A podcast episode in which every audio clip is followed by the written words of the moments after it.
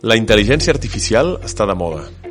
Cada setmana tenim notícies d'avenços en aquest camp i és probablement el terreny d'investigació que més preguntes desperta i també el que més ens acosta a les fantasies del món de la ciència-ficció. Els ordinadors ja no només aprenen a jugar sols als escacs i guanyen a campions mundials, sinó que ara saben fins i tot pintar i escriure per si mateixos, aplicant unes dosis de creativitat, adjectiu que creiem reservat només pels humans, que ens obliguen a preguntar-nos si algun dia faran de nosaltres éssers prescindibles.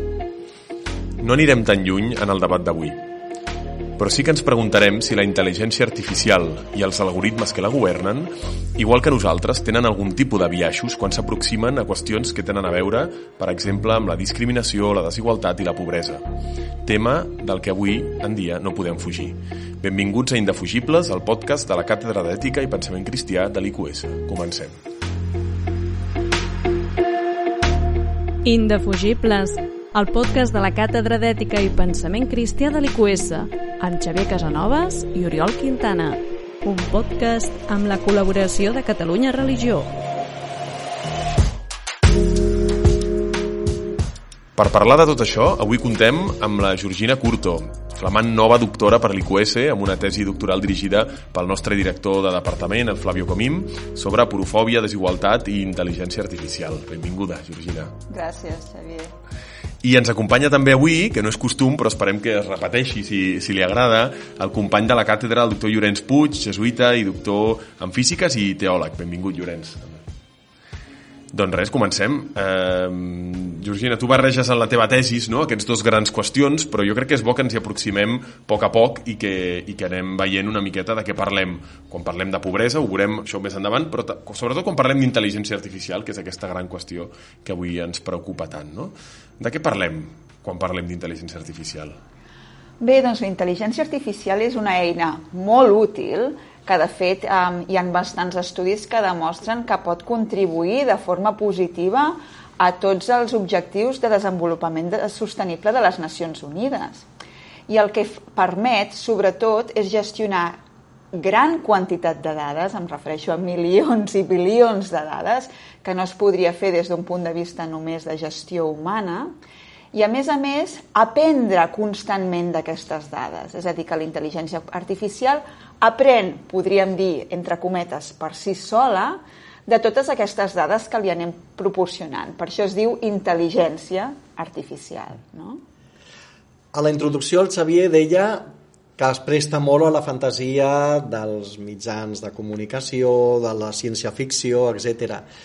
Hem de tenir por de la intel·ligència artificial? És a dir, eh, podem pensar, allò fantasiant, no? fent fantasia, que dintre d'un temps eh, farà totes les coses que nosaltres fem, que hi haurà màquines que pensaran, sentiran, que haurem de tenir un, un tracte, diguéssim, amb algú que és una màquina però que ens parla exactament igual que una persona? Bueno, és una molt bona pregunta. De fet, s'està treballant molt en aquest àmbit. Um, el que passa que, bueno, tal com diu López de Mantras, que és un dels pioners de la intel·ligència artificial a Espanya, la intel·ligència artificial no té sentit comú. No té aquesta intel·ligència general que tenim els éssers humans, eh, que ens permet identificar el context, per exemple, no? o improvisar. La intel·ligència artificial es basa en les dades que nosaltres també els humans introduïm en aquests sistemes. No? Per tant, jo crec que no hem de tenir por en aquest sentit, el que sí que hem de gestionar-ho bé, perquè també hi ha una problemàtica que és la sobrevaloració del que ofereix la intel·ligència artificial, perquè tal com vivim en una societat que sobrevalorem la tecnologia pensant que ho pot solucionar gairebé tot, no? també ens passa el mateix amb la intel·ligència artificial. Llavors, doncs, com és una te són tecnologies noves, bueno, doncs s'ha de crear un entorn ètic i jurídic que gestioni bé aquestes tecnologies perquè tinguin un ús apropiat. Clar, per tant, són una, és una eina, diguéssim, que es posa a disposició de la societat. Eh, quins camps bàsics t'imagines tu on s'aplicarà o s'està aplicant ja la intel·ligència artificial? A quins àmbits generals de la, de la vida de les persones Bé, funciona? la intel·ligència artificial s'està aplicant, podríem dir, amb tots els àmbits econòmics, per dir-ho així. No? També fins i tot en els àmbits personals. No? A tots ens passa doncs, que quan busquem informació a Amazon, ens, ens proporciona resultats del que han buscat altres compradors semblants a nosaltres, o a Netflix, o quan escrivim a Google ens proposa ja les següents paraules basats en intel·ligència artificial. Però en l'àmbit econòmic doncs, s'utilitza doncs, en, el, en el transport, per exemple, però a mi sobretot em preocupen els àmbits, diguéssim, clau, com són la justícia, l'educació o la medicina, on també s'utilitza la intel·ligència artificial i bueno, s'ha de gestionar molt bé perquè els resultats siguin favorables, o sigui, vagin a millorar els serveis d'aquests àmbits i no empitjorar-los. Clar, podem començar potser per la medicina, perquè després sobre la justícia hi ha molt a parlar i potser podem aprofundir una mica més. Però en medicina, què m'imagino? Que la màquina pugui ajudar a discriminar la persona, la malaltia que té, a veure... Què, què, què es pot fer amb la medicina? Com funciona? Bé, doncs, per exemple, hi ha projectes que, que permeten ajuntar les dades de molts hospitals perquè d'aquesta manera, doncs, comparant tots aquests resultats de diferents pacients, es permeti tenir com metaanàlisis i així els metges poden proporcionar uns diagnòstics més ajustats i uns tractaments també més individualitzats. El que passa que, clar, aquí entrem amb la problemàtica del que deia el Xavier a l'inici, del biaix, no? d'aquest famós bias en anglès, que és dir, bueno, quines dades està utilitzant aquesta intel·ligència artificial? Perquè, clar, hi ha minories de població que si no estan ben representades en aquestes bases de dades, llavors els resultats que obtenem de la intel·ligència artificial doncs són, tenen els, o bé els mateixos biaixos que hi ha a la nostra societat o fins i tot s'agraven. Llavors, mm, compta amb els resultats de la intel·ligència artificial. Per tant, estem entrant ja en el, en el camp de, de l'ètica, no? I això que tu deies de dir, bueno, la intel·ligència artificial utilitzem-la bé, al servei de la societat, posem-hi uns límits, no? Com es fa això? Perquè jo crec que, de fet, és el tema de la teva tesis, no? Una mica com aplicar la ètica a la intel·ligència artificial, i tu ho estaves dient ara, no? La intel·ligència artificial, el perill que tenim, o sigui, el perill és que, que reprodueixi el mateix que la societat fa, i la societat discrimina, la societat margina, eh, la societat és desigual, no? I, per tant, si no ho corregim, la intel·ligència artificial, com a molt, com a molt, ja, ja ho veiem que és prou difícil, no? Ens imitarà a nosaltres com a societat, no? Um, bueno, com ho fem, això, d'aplicar la ètica al, en el camp de l'algorítmica o de la intel·ligència artificial? Doncs bé, ara la recerca que s'està fent en el camp de la AI Ethics, es diu així tècnicament en anglès, no? és veure precisament, resoldre el que tu m'estàs preguntant.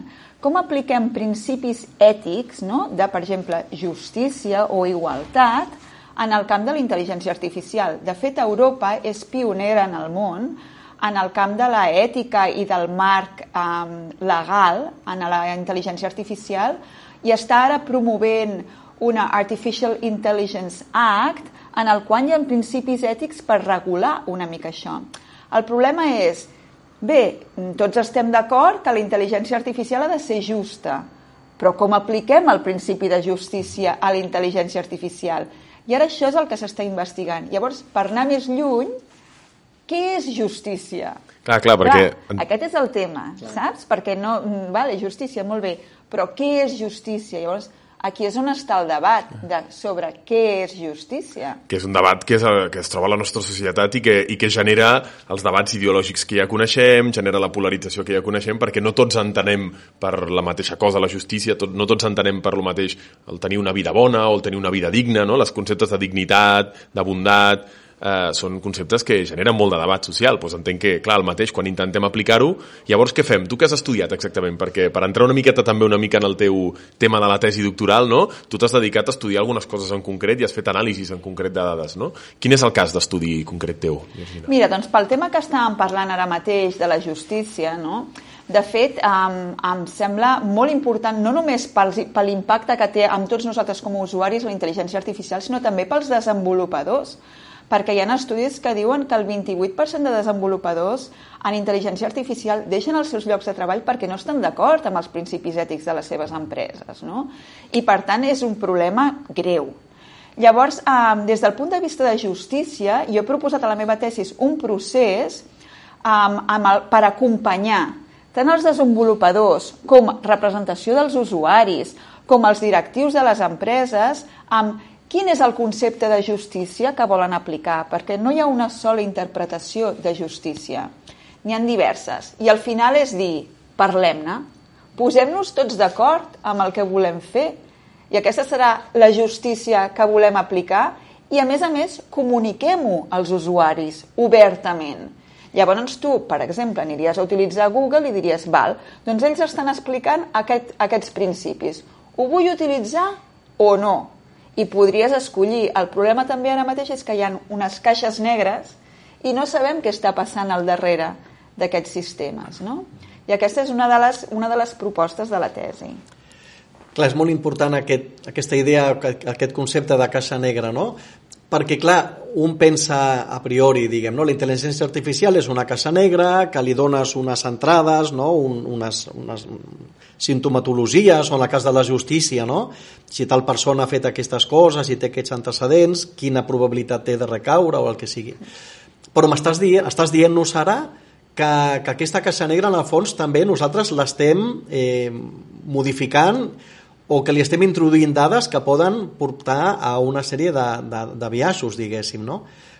I aquesta inquietud dels desenvolupadors per on va? Pots explicar una mica més? És a dir, què és el que s'introdueix una companyia quan fa una, un, un sistema d'intel·ligència artificial? Què és el que està introduint allà, diguem, no? Bueno, doncs, mm, per, per exemple, hi ha molts estudis que demostren que tant Google com la Wikipedia, com Twitter, com els sistemes d'intel·ligència artificial que hi ha darrere de, tots, de, de, de totes aquestes xarxes socials i models incorporen discriminació de gènere perquè és present a la nostra societat. Llavors, si aquests sistemes aprenen a partir de les dades que nosaltres introduïm tots com a usuaris, doncs és normal que la intel·ligència artificial discrimini en funció de gènere. No? També, i jo particularment a la tesi, m'he centrat en la discriminació per motius de pobresa. El que la doctora Cortina, en l'any 2017, va acunyar el terme d'aporofòbia per descriure aquest fenomen de el rebuig a la pobresa. No? Aquesta, aquesta doctora va ser pionera en, en descriure aquest terme i jo una de les coses que he fet a la tesi és proporcionar evidència en què a la intel·ligència artificial realment hi ha discriminació per motiu de pobresa. I com ho podem provar, això, que dius? Si estàs, tu dius, he, donat evidència de que realment els algoritmes dels buscadors discriminen per motiu de, de pobresa. Com, com ho has provat, això? Bueno, doncs hem, hem utilitzat els sistemes d'intel·ligència artificial que hi ha a darrere de Google, Twitter i Wikipedia, precisament, Llavors, el que hem fet és veure la relació entre paraules que tenen a veure amb pobre i amb ric i amb paraules positives i negatives. No? Llavors hem vist que les paraules negatives estan més a prop vectorialment, des d'un punt de vista tècnic, vol dir que s'associen més fàcilment amb pobre, i les paraules positives s'associen més fàcilment amb ric. Això estem parlant de milions i milions de dades. No? És a dir, que tu m'estàs dient d'alguna manera que si jo em dedico a llegir les notícies que Google em proporciona, no? o vaig a mirar quins són els trending topics a Twitter, eh, el que em trobaré és que les notícies que se'm proporcionen o la informació que jo rebo m'està vinculant o m'està donant, d'alguna manera, jo diria, sensacions negatives quan es parla de pobresa no? i sensacions positives quan es parla de riquesa i, per tant, seria lògic que jo a la llarga acabi associant també o acabi tenint sentiments negatius contra els pobres per aquesta informació que jo vaig rebent. És això. Correcte, exacte. És això, i no només sensacions negatives en quant a pobresa, perquè, a veure, és evident que quan estàs en una situació de pobresa, doncs és una situació que vols superar i no és una situació positiva. Això estem tots d'acord. Però és més en el sentit de, si ets pobre, ets un loser, mm -hmm. no? O has fet alguna cosa malament, o alguna decisió dolenta hauràs pres a la vida.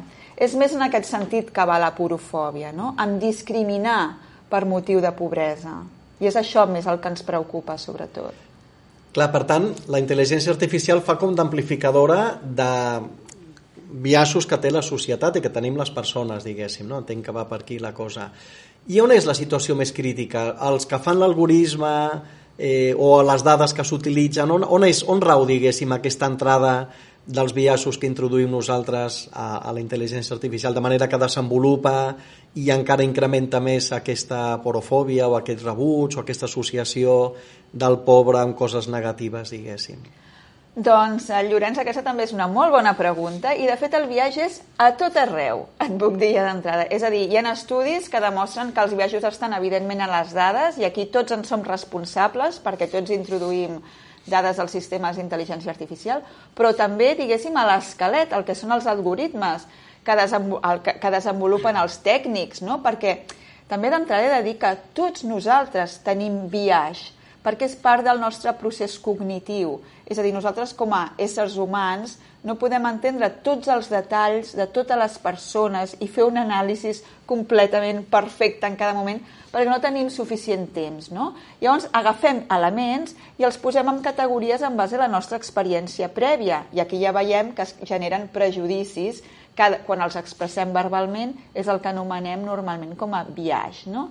Tots tenim viatges. Clar, els sistemes d'intel·ligència artificial els desenvolupen éssers humans, que tenen els seus propis viatges. Per tant, en els algoritmes també hi són. I fins i tot hi ha estudis que demostren que en les pròpies processos de desenvolupament de l'intel·ligència artificial també intervenen els viatges. No? Per tant, que eh, eh, estan a, a tot arreu. Mm. Clar, i això és el que és complicat, perquè jo pensava, una, una qüestió que m'apareix aquí és la de la responsabilitat personal. Per exemple, en el cas de la justícia, administració de justícia, anem a utilitzar un sistema d'intel·ligència artificial per determinar si una persona que està a la presó pot tenir un permís o no.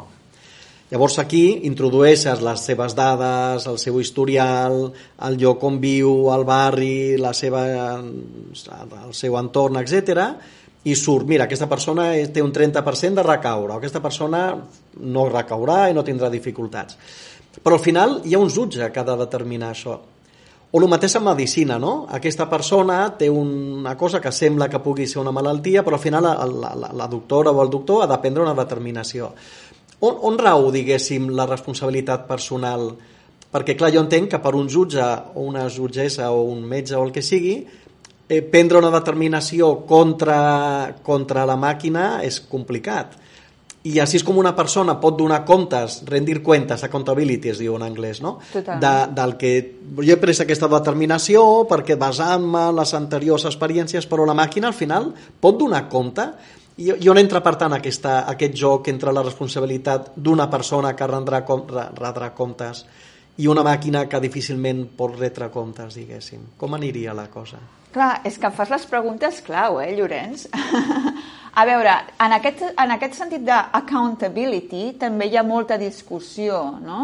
Llavors, per una banda, l'accountability del sistema d'intel·ligència artificial, alguns autors diuen que els tenen les empreses que el desenvolupen, però després l'accountability de l'aplicació el tindria la institució que la utilitza, no?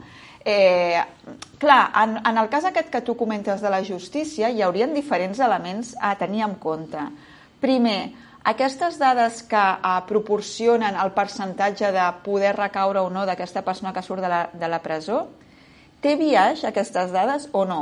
Perquè, clar, si aquesta persona és d'una minoria ètnica, i això ha passat als Estats Units concretament, i ha sigut bastant escandalós, eh, doncs potser no hi ha... Imagina't que és una persona d'una minoria ètica, eh, ètnica que només hi ha un antecedent a la base de dades i aquest antecedent ha recaigut. Doncs, evidentment, aquesta persona, el sistema et dirà, recaurà, que no surti de la presó. Pues que, clar, no hi ha tantes dades com d'altres persones no? que estan en, en el sistema d'intel·ligència artificial. Això per començar. El viatge. Segon, la sobrevaloració dels resultats. Si el jutge diu, s'ho creu a pies puntilles, ah, no, és que això ho diu el sistema, doncs pues ja està.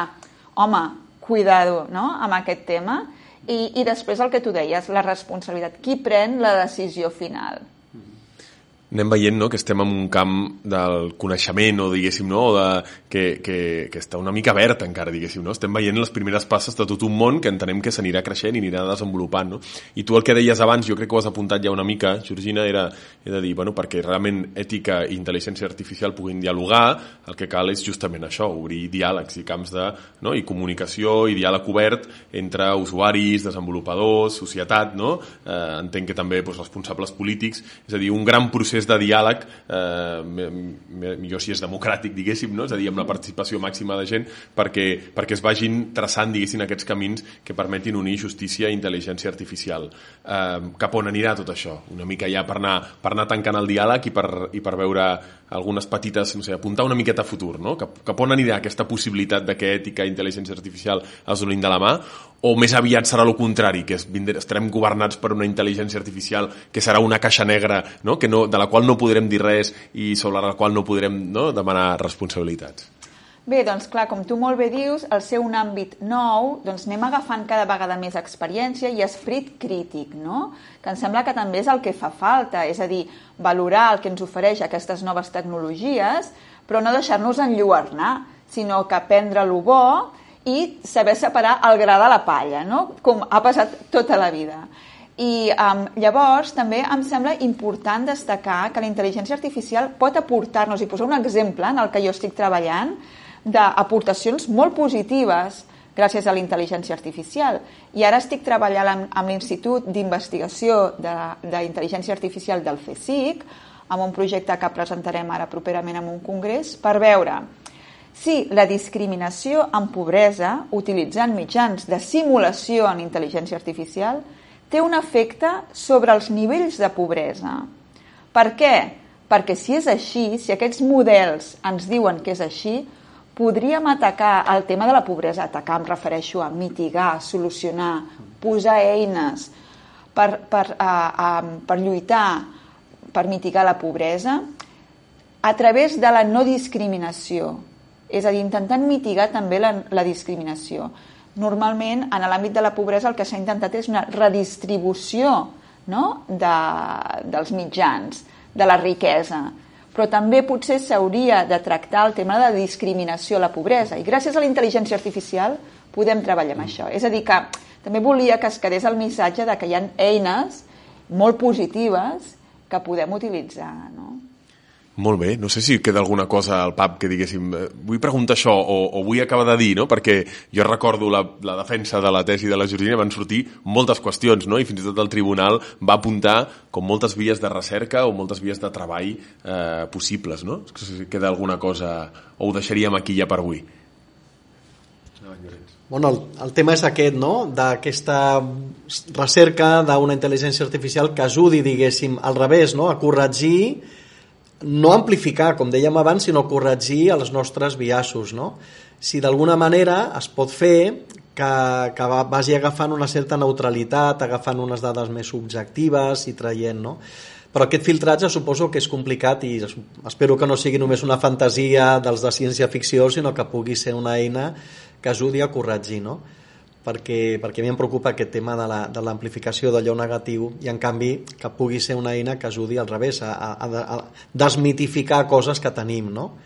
moltes vegades quan hi ha una situació social doncs hi ha grups col·lectius que treballen amb l'àmbit social que es dediquen a mm, desmitificar falsos mites que s'organitzen, no? de les pors que apareixen, aquests ens porten malalties, ens porten no sé què, no sé quants. No? Bueno, per aquí aniria una mica la qüestió. No sé si vols acabar una mica, sí. condonar una mica de per on pot anar una, un ajut que vingui de debò de la intel·ligència artificial. Bé, un tema que no hem tractat i que també m'agradaria comentar amb el que, amb el que per, per acabar és que actualment hi ha un oligopoli no? de la intel·ligència artificial i les dades que nosaltres fem servir a les, a les xarxes socials de tot el món estan en mans només de 8 empreses. Clar, això és una situació molt particular, no? Llavors també per, per d'alguna forma democratitzar la intel·ligència artificial, ara estan començant a sortir projectes de cooperatives en intel·ligència artificial que em sembla molt interessant i per, també per donar un altre punt de vista, oferir altres camins, oferir una diversificació, perquè també penso que la ètica és una font d'innovació. Llavors podem proporcionar altres sistemes amb un altre enfocament ètic a la intel·ligència artificial més obert, que no siguin aquestes caixes negres, més um, um, tenint en compte minories de diferents àmbits. Jo crec que la diversificació també pot, té potencialment la possibilitat de, de donar-nos una altra visió ètica de la intel·ligència artificial. Jo crec que aquest és un molt bon missatge amb el que acaba aquesta conversa. Eh, moltíssimes gràcies, Georgina, per, a, per estar amb nosaltres, per haver vingut, per, per al diàleg. Gràcies, Llorenç, també, i esperem que, que puguem repetir. I, I és un tema que donarà de sí, perquè segur que n'haurem de tornar a parlar en algun altre àmbit d'aplicació o des d'alguna altra perspectiva, però en qualsevol cas doncs ens tornem a veure tots en un nou episodi del nostre podcast Indefugibles.